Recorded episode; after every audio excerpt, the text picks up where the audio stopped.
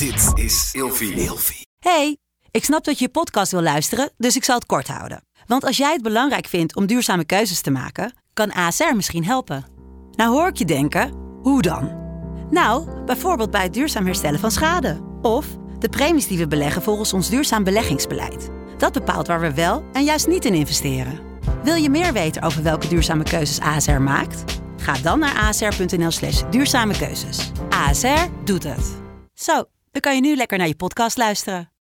Een van mijn allereerste vriendjes die zei: Je hebt een open relatie, je spoort niet. Dat is toch het begin van het einde? Ik zei: Hallo, moeten we het even hebben over wat jij allemaal op je fucking kerfstok hebt? En dan ga je nu tegen mij, omdat ik het op een eerlijke manier doe, krijg ik nu de wind van voren. In Op zoek naar seksualiteit gaat Nienke Nijman dit seizoen samen met Marit Idema wekelijks op zoek naar seksualiteit in haar breedste zin. Overtuigingen worden kritisch besproken en ontkracht. Eigen ervaringen worden gedeeld. En de seksuele norm wordt verbreed. En dit alles om jou meer te laten ontdekken over jouw seksualiteit. Welkom allemaal en leuk dat jullie weer luisteren naar een nieuwe aflevering van Op zoek naar seksualiteit. En de eerste aflevering van het derde seizoen alweer. En naast mij dit seizoen zit Marit Idema. En samen wij gaan wij op zoek eh, naar seksualiteit. Ja, leuk. Wij gaan dit seizoen gaan wij 20 gesprekken voeren over seksualiteit. En eigenlijk over een tal van onderwerpen dat maar met seksualiteit te maken heeft. En daarin proberen we zoveel mogelijk verschillende perspectieven te betrekken. We zullen kritisch zijn. We gaan onze persoonlijke ervaringen delen. Maar we kijken ook inderdaad naar hè, wat zijn nou de opvattingen over seks? Hoe wordt er nou over gedacht? En eigenlijk daarin ook een beetje van ja, uh, hoe belangrijk is het nou dat wij deze gesprekken over seksualiteit voeren? En in deze eerste aflevering gaan wij het hebben over van is seks eigenlijk te belangrijk geworden?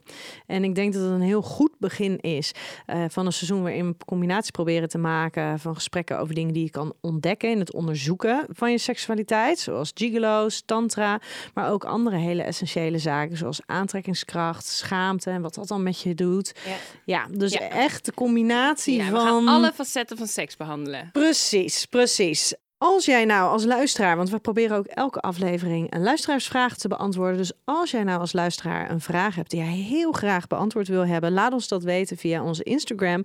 Dat is seksualiteit.podcast. En dan hopen wij uh, dat wij zoveel mogelijk vragen kunnen behandelen.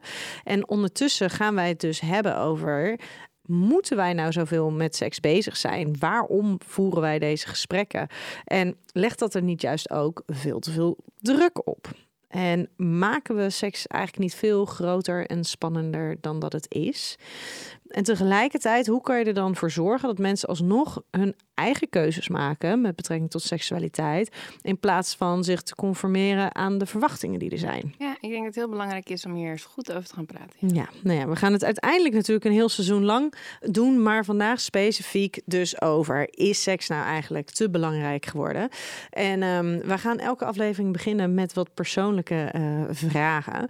Want Marit, hoe belangrijk vind jij seks? Ik vind seks toch wel echt heel belangrijk. Het is wel wat jou en je partner onderscheidt van alle andere relaties die je hebt in je leven. En ik merk ook wel echt dat als mijn partner en ik een tijd geen seks hebben, dat dat heeft echt effect op onze relatie. We zijn ja, licht geraakter, uh, minder mail tegenover elkaar. We hebben veel meer ruzie op het moment dat we dus geen seks hebben. En je mist toch ook wel een beetje die connectie.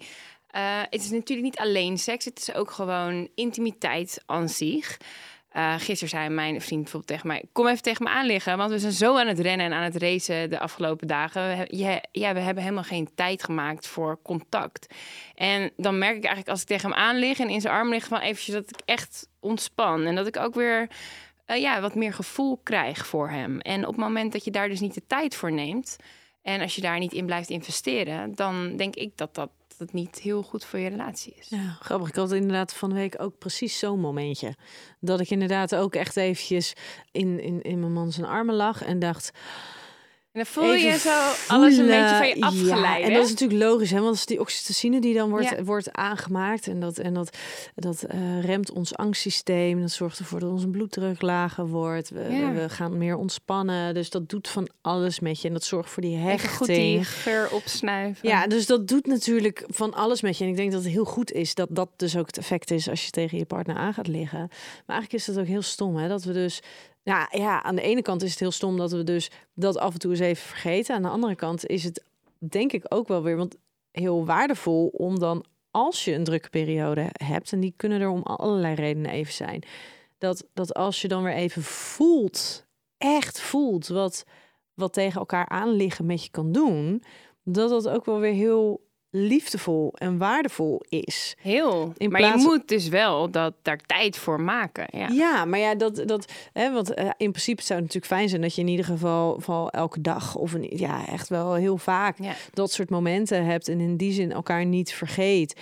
Maar als het dan even een periode is waarin het er dan even wat minder is, om wat voor reden ook, en je het dan bewust weer even opzoekt en je merkt dan echt gelijk, jeetje, dit heeft zo'n effect op me. je plukt echt bijna direct daar de vruchten ja, van. dat is ook, vind ik ook altijd wel bijzonder om te merken. Ja, bijzonder. Ik zeg wel eens, seks is een beetje... En seks bedoel ik intimiteit mee gewoon. Uh, nu even. En het is echt wel een beetje de lijm die je relatie bijeenhoudt. Die, uh, ja, die voor die verbinding zorgt. Kan jij je voorstellen, en dan niet zozeer het stukje intimiteit... maar het stukje seksualiteit, dat dat ooit een andere betekenis in je leven krijgt? Uh, ik ben de afgelopen maanden heel ziek geweest en nog steeds ziek. En ik heb altijd gezegd en ook altijd geloofd van in mijn leven zal ik altijd dat hoog op de prioriteitenlijst zetten. Ik zal altijd blijven investeren in mijn seksleven, in mijn liefdesleven. Alleen was daar nu gewoon echt, echt, echt geen ruimte voor. En je merkt wel ook wat dat met je doet als mens. Weet je, dat het is toch ook wel een beetje deel van mijn identiteit. Je bent ook geliefde en dat ben je dan allemaal niet meer. En ik was zo ziek vaak dat je me echt niet eens kon aanraken.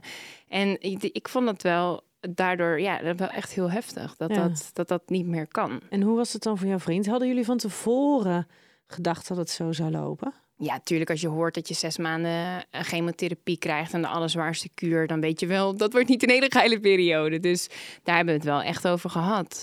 Ja, maar er is nog een verschil tussen geil en gewoon comfortabele seks hebben en elkaar daarin vinden. Ja, kijk, het ligt natuurlijk een beetje aan hoe ziek je wordt. Niet iedereen wordt even ziek van chemotherapie. Ik ben heel, heel, heel ziek ervan geworden ja, dan heb je er gewoon echt geen ruimte voor. En om heel eerlijk te zijn, was het voor de eerste keer in mijn leven dat ik dacht: het is ook oké dat er geen ruimte voor is. Want je hoeft niet.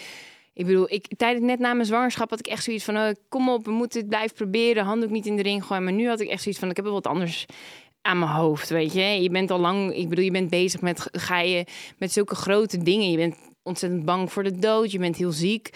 En dan is eigenlijk al gewoon, en dat is iets wat ik van tevoren nooit had gedacht dat ik op zo'n punt in mijn leven maar dat je op de bank samen ligt en elkaars hand vasthoudt. Zoiets kleins.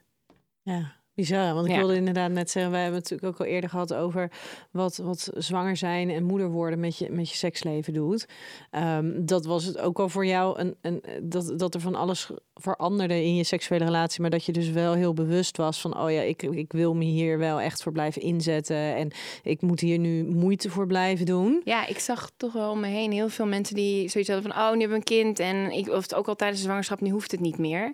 En ik geloof wel heel erg dat het belangrijk is om in elke fase te blijven investeren in je, in je seksleven. Want juist ook in de moeilijke fases kan je er zoveel profijt van hebben. Want dan ben je juist geïrriteerd naar elkaar toe. En dan, zo de laatste paar dagen eh, was ik best gestrest. En dan juist merk je dat als je dat opzoekt, dat je, dat, ja, dat je daar echt profijt van hebt. Ja, maar moet je nagaan als je dan dus uh, periode van zwangerschap naar zeg maar het eerste jaar van die kleine naar het ziek zijn, dan zit je natuurlijk zo ineens alweer op een periode van twee jaar. Ja, langer al, ja. Dat, dat jouw seks niet meer helemaal van jou is. Nee, en ook dat je. Uh, en dat zal bij mij nog wel lang duren, want daarna ik word ik word straks nog zes jaar kunstmatig in de overgang gehouden, dus dat is ook heftig. Oeh. Ja. Dus ik ben nu al in overgang, hè? Ja. Um, dus ja, eh, zeker. Het is ook bijna ironisch. Iemand die zo met seks bezig is en zo dat altijd zo belangrijk heeft gevonden. Dat je denkt, het wordt je niet makkelijk gemaakt. Nee. Nee, nee. Dan, en, dan, nou ja, dan proberen we maar op dit soort manieren toch met seksualiteit bezig te zijn. Om het wel leuk te houden. En niet alleen maar heel zwaar en als iets wat dus uh, nee, alleen maar moeilijk is. Ja, het is ook. Ik, ik, kijk, je merkt ook dan wel weer als er wel weer dingen kunnen en wel weer mogelijk is, dan is dat ook wel weer heel fijn. Dat dat, het is toch wel een heel belangrijk deel van je relatie. En als dat helemaal wegvalt, is dat gewoon heel pijnlijk. Dus ik merk ook wel dat nu, dat, dat ik er wel weer behoefte aan krijg. En dat als ik me, op het moment dat ik me iets beter voel, dan, ik hoop wel gewoon dat dat een belangrijke rol blijft spelen de komende jaren. Ja. Het is ook gewoon iets wat heel leuk is. En voor die hele fijne connectie tussen jou en je partner zorgt. Ja, en als je dan de periode daarvoor neemt, toen seks eigenlijk voor jou nog veel, um, nou ja, veel onvoorwaardelijker was. En het was er gewoon. Het was iets waar je heel veel plezier aan beleefde. En ehm, als je het dan hebt over eigen keuzes maken en je seks op, een, op je eigen manier inkleuren. Ik denk dat dat echt wel iets heel belangrijks is. Ja. Dat, ik heb echt bewust gekozen voor wat ik wilde, ja. los van wat de heersende norm was. Ja. ja, maar ik merk dat ik, ik kan die keuzes voor mezelf maken. Dus inderdaad, los van wat, uh, wat, wat als de norm wordt gezien. Dus het maken van die keuzes vind, vind ik niet zo heel moeilijk. Maar het daadwerkelijk het altijd maar met anderen delen of het daarover hebben, dat vind ik soms nog wel een uitdaging. Het is niet alsof ik zeg van ja, maar dit is wat ik wil, dus dat heeft iedereen maar te accepteren. En het interesseert me niet wat de rest ervan denkt. Waarom interesseert het je zoveel wat de rest Nou, ik weet niet of het me zoveel interesseert. Maar ik denk enerzijds denk ik ook, ja, als je geen andere keuzes zou maken ehm, dan andere mensen, ga je het dan wel met iedereen delen? Ja, Ga je het dan wel met iedereen bespreken? En, en nu, omdat ik dan andere keuzes zou maken, waarom moet ik dat dan wel per se met andere mensen delen als het niet um, expliciet ter sprake komt. Ja, en wat bedoel je met andere keuzes maken? Want dat... Nou, als je, uh, ja, weet je, ik heb natuurlijk altijd al gehad dat überhaupt seksualiteit, relaties, dat heeft altijd al mijn interesse gehad. Ja. Ik wist natuurlijk al van heel jongs af aan dat ik dit werk wil gaan doen. Nou, dat doe je niet als je, als je er helemaal geen affiniteit mee hebt. Nee, um, weet je, maar als je kijkt naar het aantal seksuele partners wat ik heb gehad. Ja, er zijn mensen die, die er minder hebben gehad. En dat is ja, nooit eens. nou ja, maar dat is niet iets waar ik, um, waar, waar ik spijt van heb of waar ik me voor schaam of wat dan ook. Maar het is ook niet iets waarbij ik dat altijd maar aan de grote klok ga hangen. En maar waarbij is het dat niet... met iedereen naar Maar dat snap breng. ik. Maar de meeste vrouwen hangen dat niet aan de grote klok. Omdat het in onze maatschappij nog steeds nat dan is om als vrouw ervoor uit te komen dat je met veel mannen seks hebt gehad. Met veel vrouwen. Ja, maar ik vraag me dan dus, ja. Um, maar misschien ben je ook gewoon een persoon wat niet per se heel graag over zijn privéleven praat. Dat kan nee, ook. ik vind over sommige dingen vind ik helemaal niet erg. Maar ik vraag het me ook altijd af: wat is de toegevoegde waarde om uh, alles maar te delen over hoe je je seks indeelt? En als mensen oprecht geïnteresseerd zijn, vind ik het niet erg. Maar ik hoef niet te gaan oversharen zonder dat daar de context voor is. Ja, dat, ik snap heel goed je punt. Waarom ik er ook bewust voor heb gekozen, ten eerste is ook omdat ik er natuurlijk over schrijf. Maar ook omdat ik vind dat heel veel mensen nog steeds en terwijl dat helemaal niet fijn is, eigenlijk een soort van in de kast leven. Mhm. En heel veel mensen durven helemaal niet ervoor uit te komen dat ze bijvoorbeeld een open relatie hebben. Zeker vrouwen niet. Hè. Vrouwen zijn heel bang om dan als slet uh, gezien te worden. Laatst kwam ik een vrouw tegen uh, die me vertelde dat ze in een dorpje in Breda woonde. En nou, ze leeft echt een compleet dubbel leven. Um, haar uh, vriend en zij, nou, ze hebben een open relatie. Haar vriend had met iemand anders gezoend. Die was ge gezien door haar vader. En in plaats dat ze zeiden van, hey, wij Dit hebben... Okay een, een regeling, het is oké. Hebben ze gezegd van, oh ja, hij is vreemd gegaan, echt super erg. Is hij op het matje geroepen bij die vader, moest hij vertellen dat hij er had bedrogen en nooit meer. Dan denk ik, wow, weet je? Zo heftig. Fucking heftig, toch? En dat ik denk van, oké, dus zo zit onze samenleving. Ik leef echt in een bubbel, maar uh, in mijn wereld is het helemaal oké. Mijn ouders weten alles, mijn vrienden hebben zelf ook allemaal vergelijkbare relaties. Maar een heel groot deel van Nederland en zeker van de wereld is het helemaal nat dan om een niet-monogame relatie te hebben.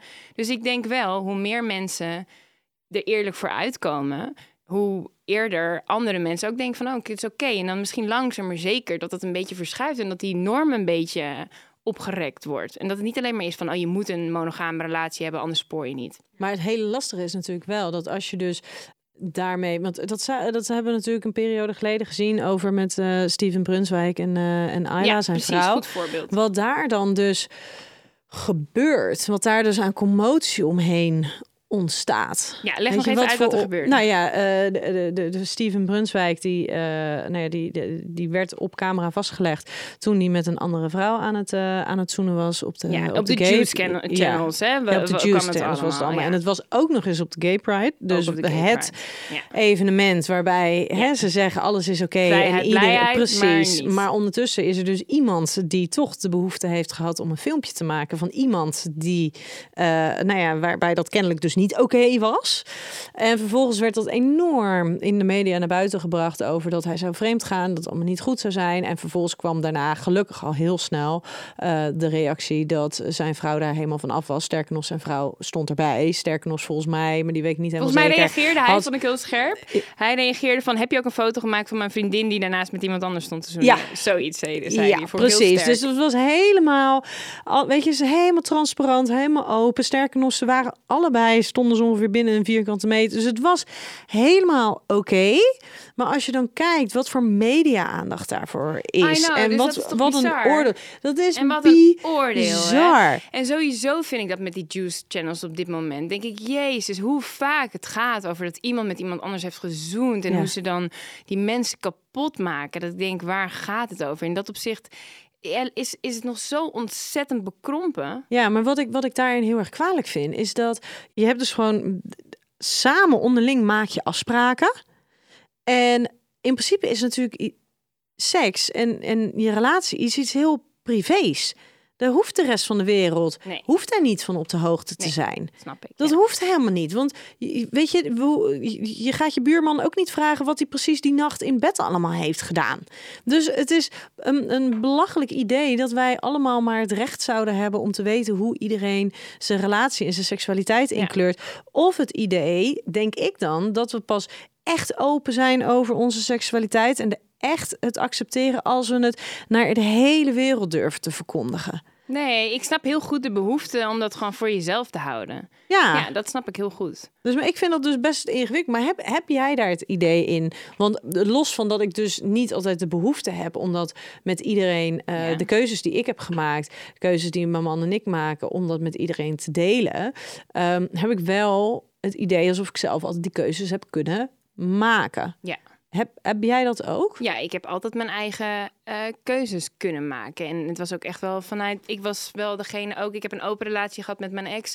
En nu heb ik ook nog een soort open relatie. En ik was wel altijd degene die dat zelf eh, initieerde. Ik kwam daarmee. En ik, ik heb daar altijd wel zelf ook heel veel behoefte aan gehad. En het was niet altijd makkelijk om daarover te beginnen. Sterker nog, het levert ook enorm gecompliceerde eh, ja, momenten op. Ehm, maar het was wel altijd mijn keuze, zeker. En ik heb er een boek over geschreven, over hoe dat ging met die open relatie. Maar ook de shit die ik na afloop over me heen heb gekregen, dat geeft ook zo goed aan. Een vrouw die gewoon zegt van, hey hallo, ik neem geen genoegen met monogamie. Het leven is te kort om seks te hebben met één iemand.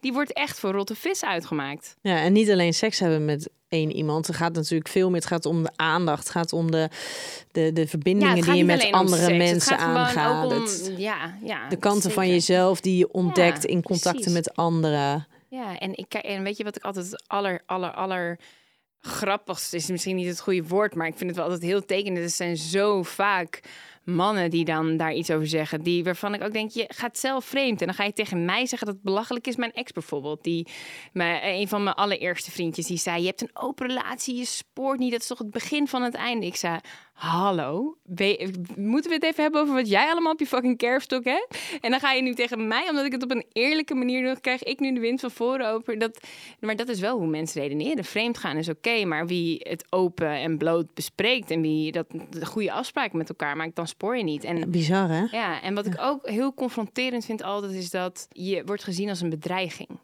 door Om- heel veel vrouwen. Alsof jij altijd een, een- iets van hun partners wil. Ja. Echt? Ja. Ah, Ja, dat is echt wel dat ik dacht van, oké, maar doordat ik een open relatie wil, ga ik niet ineens je vriendje afpakken. nee, maar dat is toch hetzelfde als dat mannen fuck? ineens helemaal in paniek raken als ze een vriend van horen dat een vriend van hun homoseksueel is, omdat ze dan dadelijk dat een van de eerste dingen die ze altijd zeggen, zolang je maar niet eh, verliefd op mij wordt of zo. Ja. Denk ik, waar, waar haal je het vandaan? Ja. Het feit dat er inderdaad eh, interesse mag zijn in andere mannen bij jou in dat geval, dat je als een man op andere mannen valt, betekent niet ineens dat je elke man aantrekkelijk vindt. Nee. Betekent niet dat je ineens met elke man het bed wil delen. Ja, nee, het is bijzonder hoe mensen denken. Oh man. Hey, maar eh, eh, trek jij je dan in zo'n situ- wel- situatie wel, wel iets aan van wat andere mensen vinden? Het is niet leuk. Dat, dat, ik zou liever willen dat ik allemaal positieve berichtjes kreeg. Van, oh, wat leuk dat je dit aankaart en eh, go for it, weet je. Dat, het is, ik, ik heb echt wel heel veel hele nare berichten gekregen. Ik denk dat niemand daar heel gelukkig van wordt. Dat, maar ik heb een dikke huid, dus ik kan dat wel, wel hebben. Ja, dat is toch helemaal maar shit liever dat je niet. die dikke huid moet hebben. Ja, ja. Maar dat is echt, ik bedoel, zo geëmancipeerd is onze samenleving nog niet. Ja. Ik bedoel, want als een man hiervoor uitkomt, is het echt wel wat anders dan als een vrouw dat doet. Ik wil niet zeggen dat iedereen staat te juichen, want het blijft wel. Maar het is, ik denk niet, je krijgt niet zoveel echt op je dat van, van hoer, slet en dat soort shit die ik allemaal over me heen kreeg.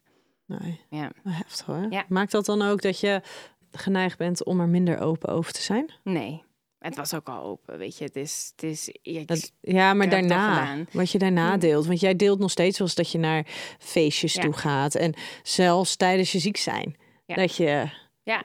Krijg je daar ook shit over? Of wordt dat Ja. dan weer in die context aangemoedigd dat ze zeggen... jeetje, wat, wat goed dat je dit doet of wat nou, knap? Of... kijk, er is altijd, laten we zeggen, 90% is positief en er is altijd 10% shit die je over je heen krijgt. Dus ben ik ook wel gewend nu na al die jaren heel veel delen.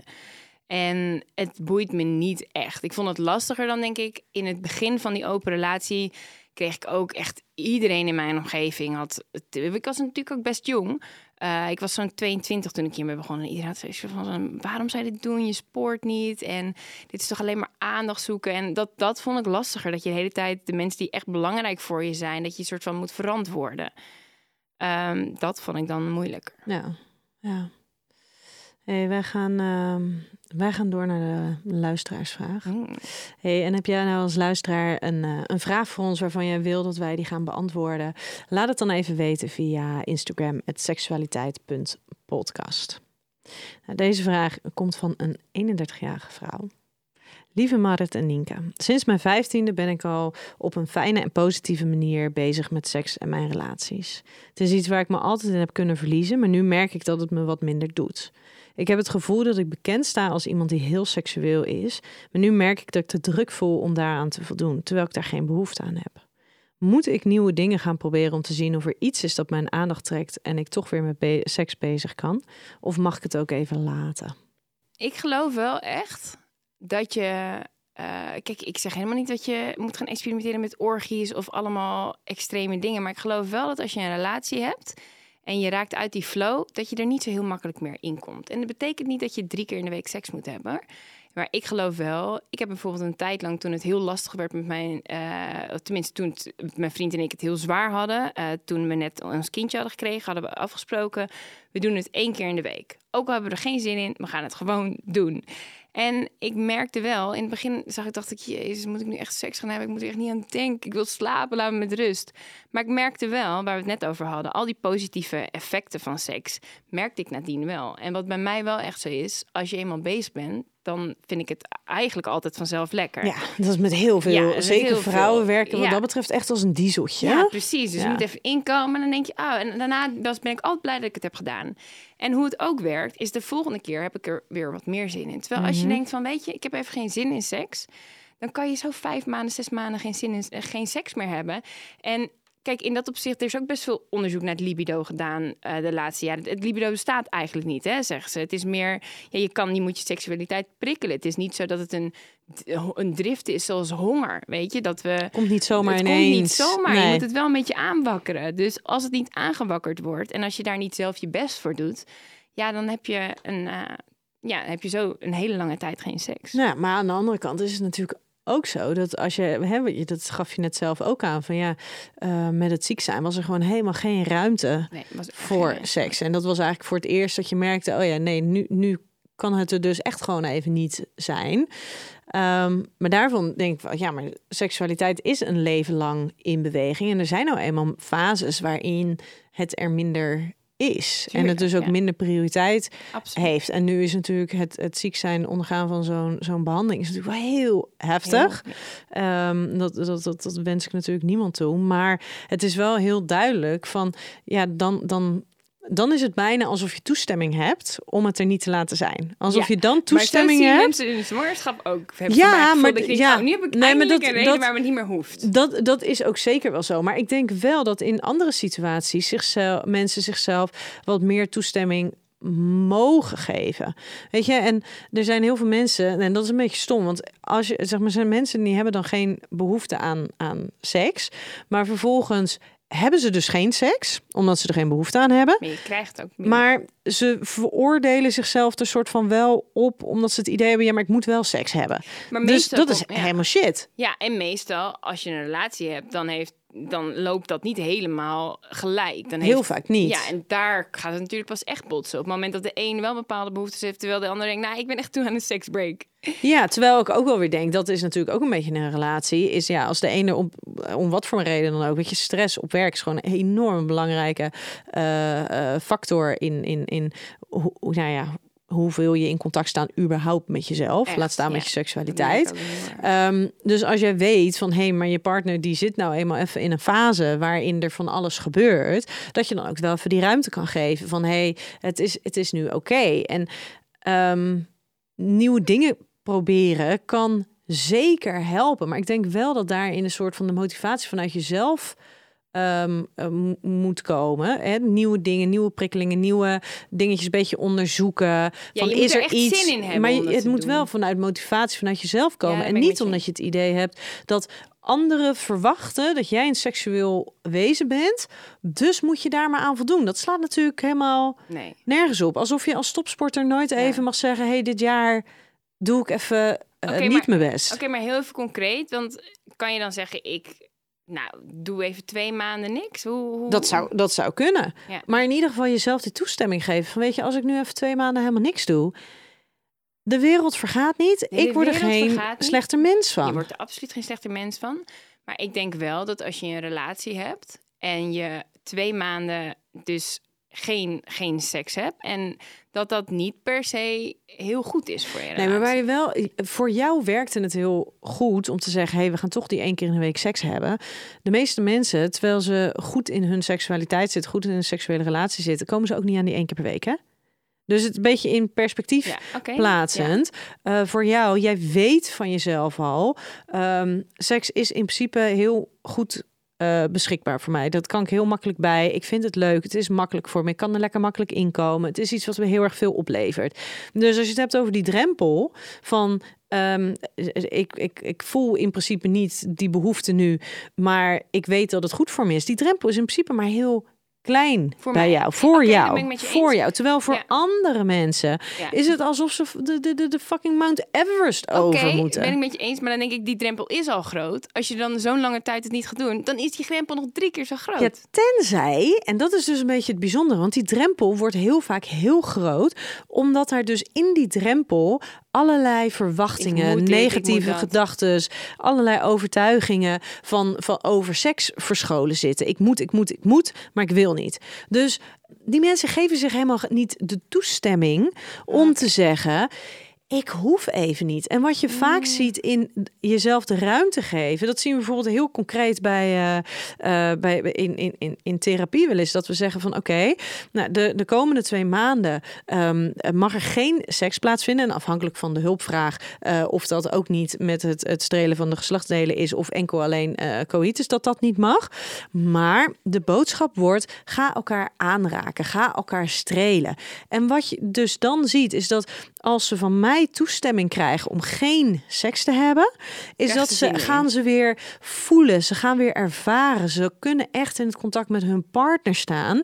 En dan na twee maanden, of soms zelfs na, na, eh, na een maand, dat ze vragen van ja, mogen, we- mogen we al verder? Oké, dat is mooi. En dan Ja, gaan ze weer zo. voelen. En dat Ja, betekent niet dat ze vervolgens weer één keer per week of twee keer per week seks hebben. Maar dan kunnen ze, krijgen ze wel weer het vertrouwen Ja. van, oh hé, hey, maar het gevoel van het gevoel. opwinding kan er wel zitten. Zolang je zelf maar de ruimte geeft om het te voelen. En dat het gebeurt op jouw voorwaarden. Ja. Wat ik ook, wa- wat ik ook een voorbeeld van bijvoorbeeld een vriendin van mij die, nou, heeft eh, een, een goed seksleven, Ehm, maar haar partner die eh, is haar eigenlijk altijd voor. Mhm. En dat is ook zo, dat zie je vaker, hè? Dat eigenlijk heb je niet eens de ruimte om zelf weer zin te krijgen in seks. Want dan staat iemand dan weer in je nek te hijgen. En dat is best ingewikkeld. Want dan kan ik me ook voorstellen dat je in zo'n situatie belandt, zoals, zoals de lezersvraag van net, of eh, de kijkersvraag, of de luisteraarsvraag. Jezus. Ehm, dat je dan ook in zo'n situatie belandt. Omdat je eigenlijk de hele tijd helemaal niet echt in contact staat met je eigen gevoel, maar de hele tijd denkt van, nou oké, ik moet weer, ik moet weer, ik moet weer. Ja, je gaat mee in de opwinding of het initiatief Ja. van de ander. En dan kan je in het meegaan wel gaan ervaren... oh ja, dit is gewoon hartstikke fijn, dit is hartstikke lekker. Maar dat, dat gewoon voor jezelf voelen... hey, ik wil, ik, ik- ik- ja, ik heb zin in seks. Weet je, dat kan zo'n lekker gevoel zijn. Weet Ja. je, de meeste mensen die dus inderdaad willen dat er vaker seks is... wat ze vooral ook willen, is zelf weer echt voelen... ja, ik wil. En tegelijkertijd ehm, is het zo dat heel veel partners geven natuurlijk ook gewoon aan. Ja, ik vind het heerlijk als, als ik het gevoel krijg dat, dat er naar mij verlangd wordt, dat ik begeerd word. Ja. Maar vervolgens geven ze niet die ruimte om dat gevoel te laten ontstaan. Ja. Dus eigenlijk heb je dan twee verliezers. Want de ene die neemt altijd initiatief en die denkt, ja shit, ik ben altijd degene die initiatief moet nemen. En waarom begeert de, de ander mij niet? Terwijl de ander denkt, ja shit, ik, eh, ja, ik reageer, ik kom wel weer met je mee. Maar ik vind het ook zo lekker om gewoon een keertje vanuit mezelf dat verlangen te voelen. Ja, ja. En hoe ga je ermee om als je dan zegt van, nou, ik neem even op zich, vind ik het heel mooi wat je zegt. Van, oké, op het moment dat je even een tijdje, nou, de druk is er even af, zodat je weer kan gaan voelen. En zo, dat, dat, die, dat die drang weer echt vanzelf komt. Maar hoe ga je dan om met een partner die daar niet hetzelfde in staat? Nee, ja, daar gaat natuurlijk eh, het, het- het communicatie over. Van ja, maar wat, wat, wat levert het je op? Weet je, als je doorgaat zoals dat je nu doorgaat, met de spanning, met de frictie, komt dat ten gunste van de seksuele relatie. En wat je toch wel vaak ziet, is dat zeker in, eh nou ja, dat, dat, zo zie ik dat natuurlijk vaak in therapie dan komen. Als ik dus uitleg van, goh, hey, dit is wat we gaan proberen, in de hoop dat dit er gaat gebeuren, dat ehm, heel vaak mensen dan toch geneigd zijn van, ja, weet je, nu is het er niet, of nu is het er maar erg eenzijdig. Ja, alsjeblieft, laten we dan maar even helemaal geen seks hebben. Dan weet ik waar ik aan toe ben. En als daar dan ook nog eens de mogelijkheid ontstaat dat er ook nog eens een beetje initiatief en, en gevoel bij mijn partner ontstaat, nou, alsjeblieft. Want heel veel eh, mensen vinden het natuurlijk ook vervelend. eh, het idee dat hun partner vooral seks heeft met hun omdat zij dat willen. Ja, tuurlijk, dat wil je helemaal niet. Nee. Dus, dus dat is natuurlijk een beetje een soort van de keerzijde. Ja. Je kan wel zeggen van ja, maar hè, dan hebben we helemaal geen seks de komende twee maanden. Ja, maar wil je dan een Ja. partner die altijd alleen maar seks met jou heeft omdat jij seks wil? Ja, en wat is seks, hè? Vind je niet dat de nadruk ook veel te veel op penetratie ligt? Ja, absoluut. Maar dat ja, absoluut. En daarvan zou het zo mooi zijn als mensen seks een veel, eh, veel bredere definitie van seks gaan krijgen. Ja. Want daar maken ze hun eigen seksuele relatie ook zoveel rijker mee. Ja, want dan hoef je ook niet die... Want vaak, ik kan me heel goed voorstellen dat voor mijzelf ook... dat je denkt van, nou, pff, ik heb geen zin in het hele radplan... maar ik wil best even, weet ik veel, een beetje hand- en spandiensten. Daar heb ik Ja. best zin in. Of gewoon alleen al zoenen, Ja, naakt zijn, zoenen. zoenen, elkaars lijf voelen. Ja, dat is heerlijk. Ehm, ja, dat ja. is heerlijk. Maar dat hoor ik dus ook wel eens van vrouwen om me heen. Is dat ze zeggen, ik ga niet uitgebreid met mijn vriend tongen. Want dan denkt hij meteen dat dat tot seks gaat leiden. Ja, maar dan ben je alleen maar jezelf aan het beperken.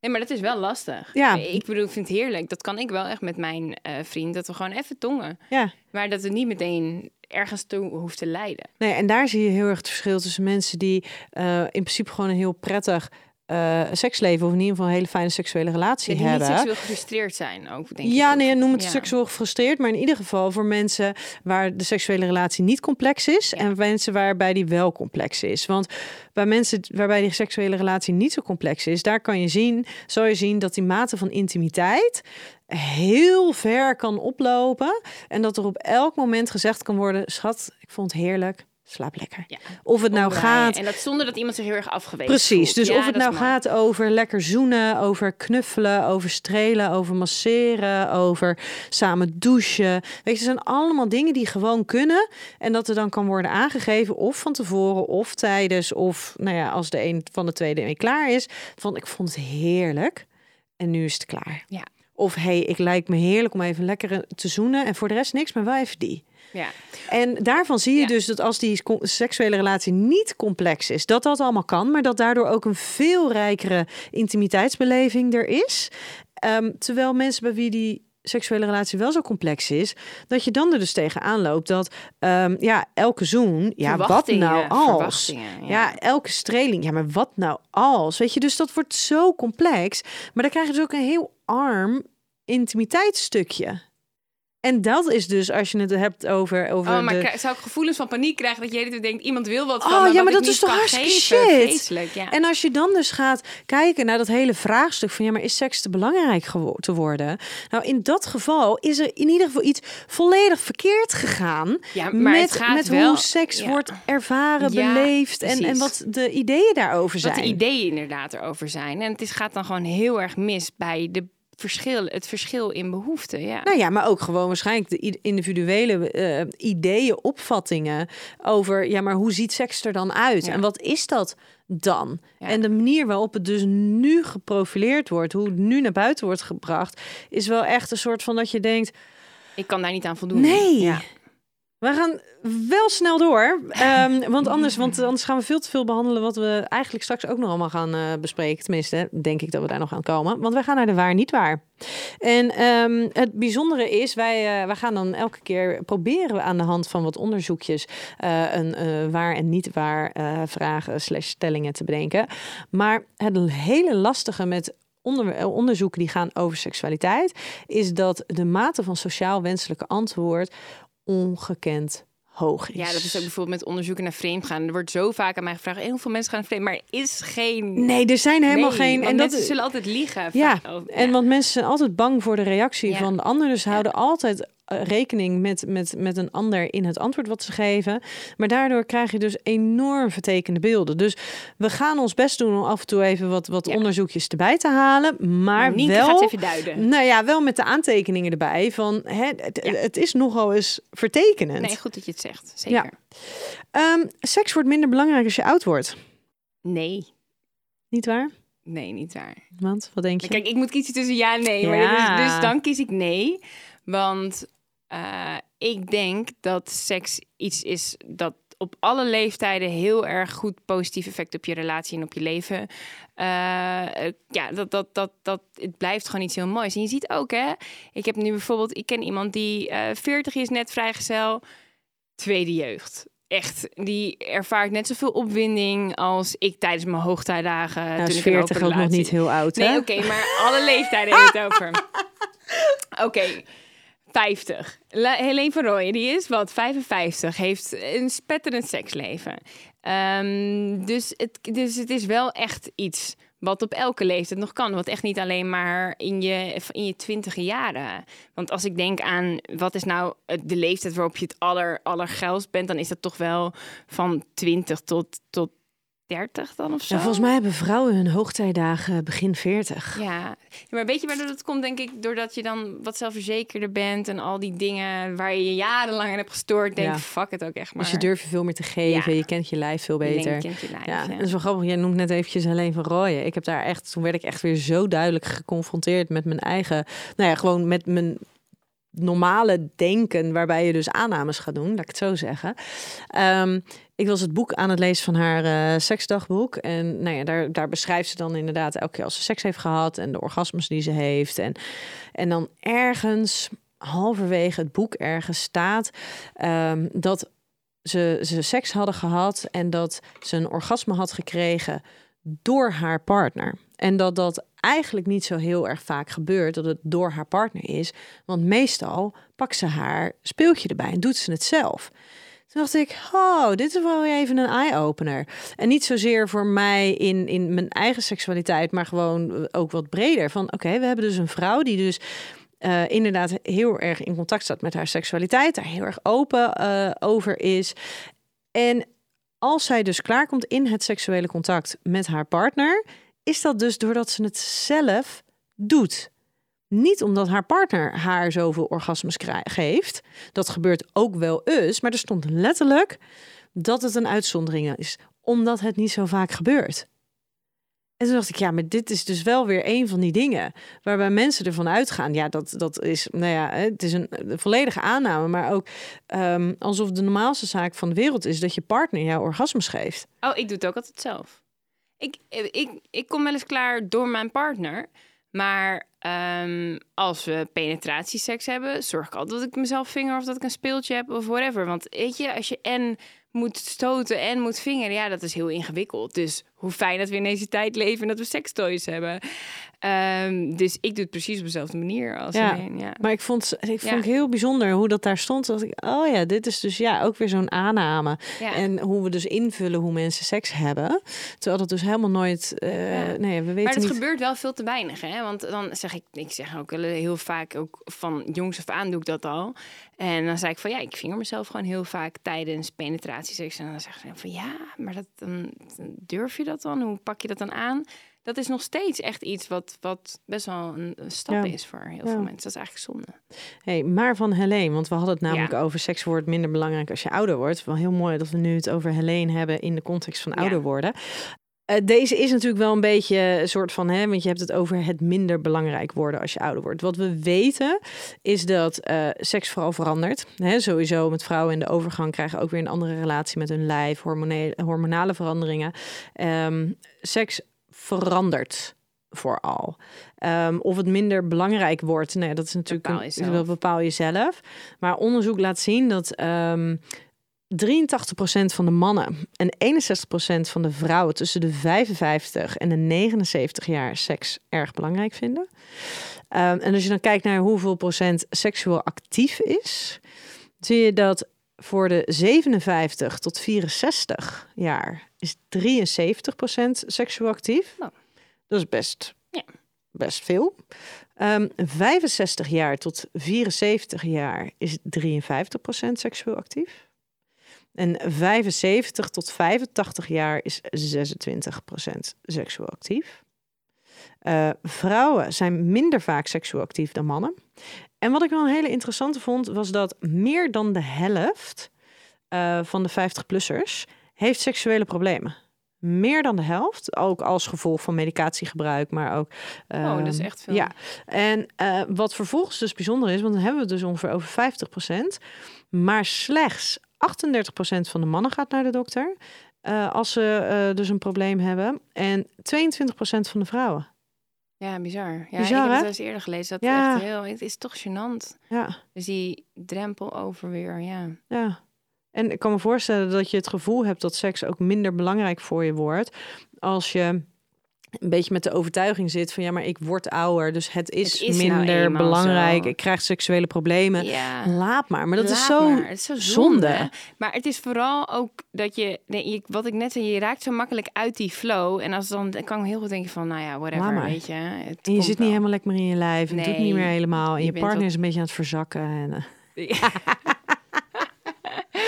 maar wij blijven het gewoon doen. Hoppa. Nou, vent, als jij lekker fit blijft, hè? Dan moet een beetje gaan sporten, hè?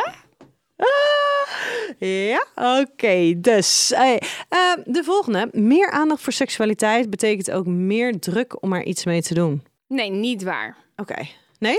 Nou kijk, wat ik wil zeggen, het ligt er natuurlijk heel erg aan op wat voor manier. Als wij nu gaan vertellen dat we meest fantastische ervaringen alleen maar aan één stuk door hebben gehad, dan kan ik me heel goed voorstellen dat je denkt, Jezus, uh, dat dat iemand het idee krijgt dat dat normaal is dat vrouwen dat allemaal willen, waardoor het nog een gecompliceerdere relatie met seks oplevert met, met partners die wel uh, seksuele problemen hebben of waarbij het niet zo makkelijk gaat. Maar op het moment, als je kijkt naar het gesprek wat we net hebben gehad, denk ik dat het alleen maar heel goed kan werken. Want dan weet je van oké, okay, het is juist heel goed om af en toe zo'n pauze te nemen waar je het net over hebt. En het is denk ik belangrijk dat er verschillende kanten worden belicht. Ja. Dus het gaat inderdaad heel erg over van ja, maar wel, wat voor aandacht is er? Ja, is het genuanceerde aandacht die een ja. realistisch beeld geven? Maar wat we bijvoorbeeld wel echt zien bij um, jongeren, hè, zien we ook heel mooi in onderzoeken terug, dat daar heel veel druk wordt ervaren om iets met seks te doen. Dat uh, zeker als je die druk dus veel ervaart, dat je dus ook veel sneller geneigd bent om, in risicogedrag te, te verkeren. Of dat je dingen doet die je eigenlijk niet wil, in grensoverschrijdende innovaties terechtkomen. En tegelijkertijd daar het bijzondere, hoe meer jongeren weten over dus inderdaad de genuanceerde kant van seks, hoe beter zij in staat zijn om eigen keuzes te maken en grenzen te stellen. En dat werkt natuurlijk door naar um, de volwassenen toe. Ja. Dus hoe meer je weet over seksualiteit en hoe meer je in staat bent om uh, nou ja, daar voor jezelf echt een beeld van te schetsen wat jij wil en echt bij je eigen seksualiteit te komen, ja. hoe, hoe betere keuzes je ja, daarin kan, maken. Voorstellen. Kijk, we groeien natuurlijk op met porno. De meeste mensen zien eerst porno voordat ze überhaupt iets ik bedoel, ik was denk ik vijf of zo toen ik mijn eerste pornofilmpje zag. En toen, Pardon? Ja, was echt heel jong. Mijn vriendin was destijds was internet nog heel. Uh, stond nog in de kinderschoenen, maar zij was heel goed. Dus ik zag echt al de meest hele freaky. Vijf? Ja. Of nou, wacht even. Ja, mijn broertje. Ja, mijn broertje ging nog nadoen wat hij had gezien thuis bij ons aan de eettafel. Toen was het afgelopen daarna. maar moet je nou, oh, nu weten de ouders niet van nu weten wel ja. dat het internet gevaarlijk is, maar destijds haar moeder had geen idee Nee, wij deden echt de meest heftige dingen online. We hadden ook echt allemaal gesprekken met oudere mannen die dachten dat we, we deden ons voor. Ja. Nee, dat was heel intens. Maar ik wil alleen maar zeggen dat mijn ouders zijn heel open altijd geweest over seks, maar je gaat je kind van vijf nog niet echt seksuele voorlichting geven. Dus ik denk, en dat ik denk dat dat, zelfs als die intentie er is, dat je wordt zo snel nu als kind al geconfronteerd met dat soort dingen.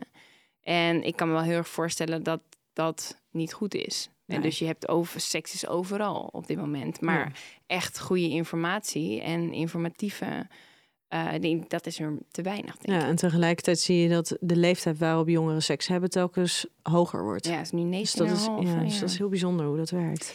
Ja, dat is wel bijzonder. Ik heb nog uh, vier stellingen voor jou. Yes.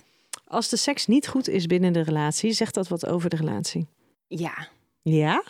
Ik denk dat het toch wel het fijnste is als je een echte match bent, ook op seksgebied. Ja, maar wat nou als je gewoon allebei seksueel gezien absoluut niet vaardig bent? Dan ga je ervoor zorgen dat je vaardig wordt. Als je Marit Idema heet. Ja, oké, maar kijk, ik bedoel, ik vind wel dat het een uitgangspunt moet zijn dat je het fijn hebt samen in bed. En je hoeft echt niet de circus Soleil uh, uit te voeren, maar je kan wel gewoon denken van, oké, wat zijn, wat, wat vind jij lekker, wat vind ik lekker en hoe kunnen we tot elkaar komen? het hoeft echt niet elke week, maar ik denk wel dat het belangrijk is dat, uh, ja, ja dat, dat, dat je tevreden bent. Ja, het lastige is, ik zie, ik zie best wel stellen en dan gaat het dus echt over, uh, over schaamte, over onzekerheid, over de seksuele vaardigheden. Gewoon hoe dingen moeten, hoe mensen moeten bewegen, hoe dat.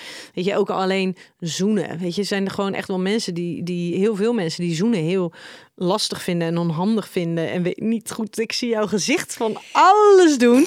Maar dat dat, dat echt heel lastig is. hoe dat, hoe kan je hoe dat werkt. kan zoenen? Dat kan ik ja, maar het, met elkaar niet lekker kan zoenen. Ja, maar het is, het is natuurlijk best lastig. Want het zijn zoenen. Um, uh, vrije, um, uh, orale seks, masturbatie. Dat zijn natuurlijk wel vaardigheden die je moet leren. leren. En vervolgens een beetje zelfvertrouwen in opdoen, zodat je dat ook daadwerkelijk kan. En niet iedereen heeft die luxe van meerdere ervaringen. Uh, van van dat, dat ze zich daar comfortabel bij voelen, dat ze überhaupt zelfvertrouwen hebben. En daarin vind ik het af en toe echt wel heel soort van sneu om te zien dat mensen dan echt gewoon, nou ja ja, maar ze niet weten wat ze moeten doen. Ja, maar ze zetten wel de eerste stap. Ze belanden wel bij jou. En ja, maar ze, ze moeten het wel zelf doen. Ja. En vervolgens moeten ze roeien met de riemen die ze hebben. Ja, het probleem is, jij bent seksuoloog. Ik ga ze niet leren. Niet maar wat je wel kan doen, is bijvoorbeeld... Ik ben wel eens... Uh, uh, ik heb wel eens een stuk geschreven over uh, een sekscoach... die het wel wat dingen voor. Ja, maar, die, maar daar ga, heftig, ja, precies. En dat ga ik als therapeut ga dat, niet, doen. Dus wat ik ze wel kan doen is inderdaad, uh, of aanraden is inderdaad gewoon om te gaan oefenen. Je kan inderdaad wel workshops ja. uh, vervolgen. Ik ben een keertje, dat was heel netjes. Waar kwam geen, de, ik bedoel, het was gewoon op een soort van dildo. Ben ik op aftrekcursus geweest. Ja, nou zoiets. Dat soort dingen. En bij, het is ook uh, leuk om samen te doen. Hè? Bij Cheeks hebben ze natuurlijk ook van die workshops met allemaal dingen. Soms wel een beetje iets voor gevorderden. Maar dat zijn natuurlijk wel mogelijkheden om je vaardigheden echt letterlijk bij te schaven. En dan denk ik, ja, zegt het dan echt wat over de relatie? Nee, dat zegt niet over de relatie, maar ik denk dat de intentie er moet zijn om er wat van te maken samen. Want wat je vaak, wat, wat je wel eens ziet, is dat uh, je denkt van oké, het is het niet, nou laat maar. En dat het dan heel ongemakkelijk wordt. Mhm. En ik denk dat op het moment dat dat stuk intimiteit niet goed zit, dat dat toch wel echt wat over je relatie zegt. Hmm. Als je dan, want dat betekent wel dat een van twee in ieder geval heel onzeker is, die zich niet op zijn gemak voelt. Of beide. Of beide. Maar ik kan je voorstellen dat je je niet op je gemak voelt door als je elkaar aanraakt. Ik bedoel, dat zegt dan toch wel wat over je Ja, relatie. nou, ik zie het dus heel vaak gebeuren. maar kan mensen je, dat ze echt ook tijdens de sessie, weet je, dan zie je dat, je dat ze elkaar gaan troosten of willen troosten en dat het gewoon niet lukt. maar kan je, een- vind jij dat dan een goede relatie? Kan je als je er. Nou, ik, als zie, je zo... ik zie vooral twee mensen die, die heel veel moeite hebben met elkaar daarin te vinden. Maar ik weet dus ook niet of ze dat met een ander wel zouden kunnen vinden. Nee, precies. Dus dat, ik denk dat gewoon sommige mensen zijn in dat. Ben je dan beschadigd of is het Nou, nee, hoeft niet. Sommige mensen zijn gewoon sociaal gezien, nou ja, sociaal gezien niet zo vaardig, eh, zijn ongemakkelijk. Weet je, die, dat kunnen, het kunnen, ja, kunnen allerlei dingen Ja. zijn. Maar Ja. ik vind het eerder heel verdrietig om te zien dat ze bijvoorbeeld wel zouden willen, maar niet weten, weten hoe. En in dat niet weten hoe.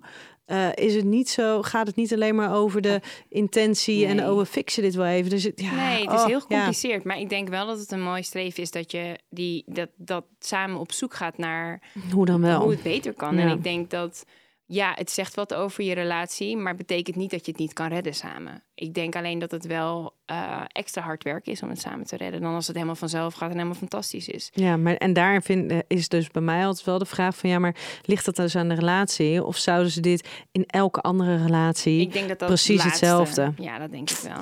Maar ik denk dat de meeste mensen toch het gelukkig zijn in, in samen met iemand anders. Natuurlijk niet iedereen, maar de meeste mensen wel. Dus ik denk wel dat als je beseft van, oh, ik ben een van dit soort mensen, dan hoe kan ik het toch beter maken? Ik denk wel dat je kleine stapjes kan zetten. Hoe vaak je seks hebt, zegt wat over hoe belangrijk je het vindt. Of hoe belangrijk je partner het vindt. Eh, nee, Ja, nee. nee. Want je kan ook gewoon één keer per week, één keer per maand, één keer per twee maanden seks hebben. En het nog steeds zo belangrijk vinden. Ja. Nee, dat ben ik helemaal met je eens. Ja. Men is te veel bezig met de verwachtingen en overtuigingen die er zijn over seks.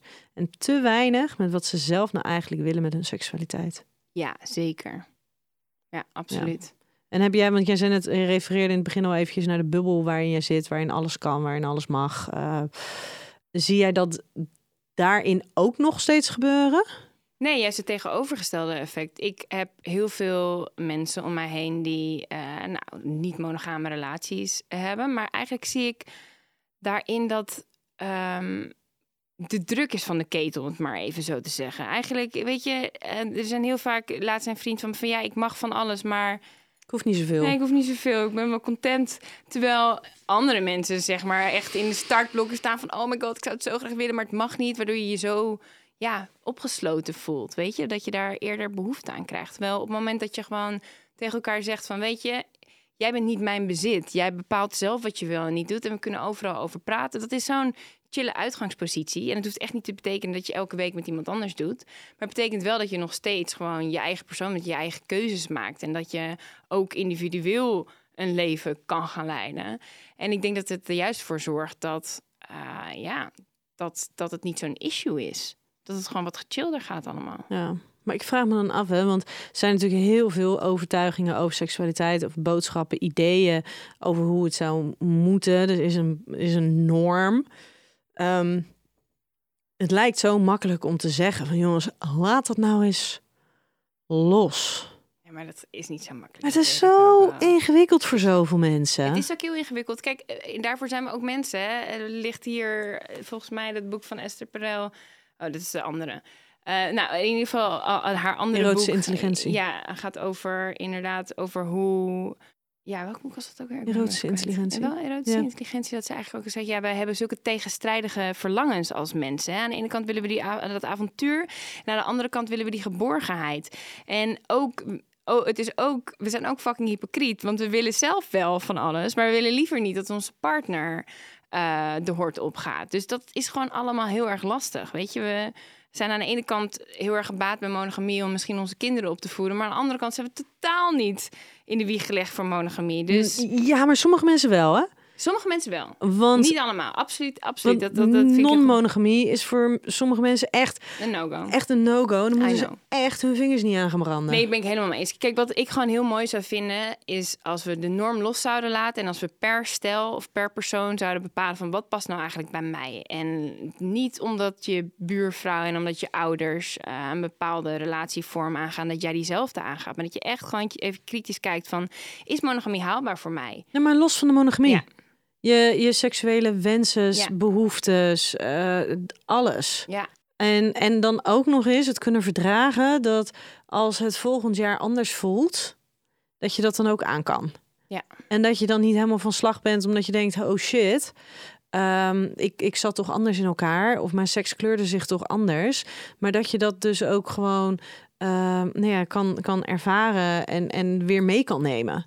Ja, het komt echt in golven. En ik denk dat je dat ook moet beseffen. Dat het nu eventjes, dat je even een dipje hebt, betekent niet dat het niet meer goed komt. Nee, en dat het ook niet eens per se bestempeld hoeft te worden als een dipje. Maar gewoon als, Is dit is even hoe het is. Dit is gewoon even Ja. hoe het is. Ja, ik denk dat dat belangrijk is inderdaad. En dat er ook meer begrip vanuit de ander dan Ja. voorkomt. Ja, dat dat dus ook het is, zeg maar, die dans die je doet als, als partners. Ja, het kan zomaar zijn dat, dat seksualiteit zich ehm, ineens heel erg aan het ontwikkelen is bij je partner en bij jou niet. Ja, dat, dat kan. En dan hoe, zeg maar, dat je daar dus ook wat flexibeler in wordt. Dat je de ander niet hoeft te remmen, maar zelf ook niet over je eigen grenzen hoeft te gaan. Dat dat dus wat meer, Ja. meer in beweging komt. Ja. En dan gaan we naar de laatste stelling. Ja. Eindeloos gesprekken voeren over seksualiteit gaat uiteindelijk het verschil maken in hoe iedereen zijn seksualiteit kleurt. Nee. Eindeloos, sowieso klinkt dat niet zo top. Het gaat heel lang Eindeloos duren. slaap. Nou, natuurlijk niet bij iedereen. Ik bedoel, lang niet iedereen is daar, staat daarvoor open of is daar überhaupt geschikt voor. Nee, ik denk dat het belangrijk is dat we gesprekken blijven voeren over seks. En ik denk dat het, dat, dat belangrijk is dat we beseffen dat het een heel belangrijk onderdeel is van een leven, van, van een relatie.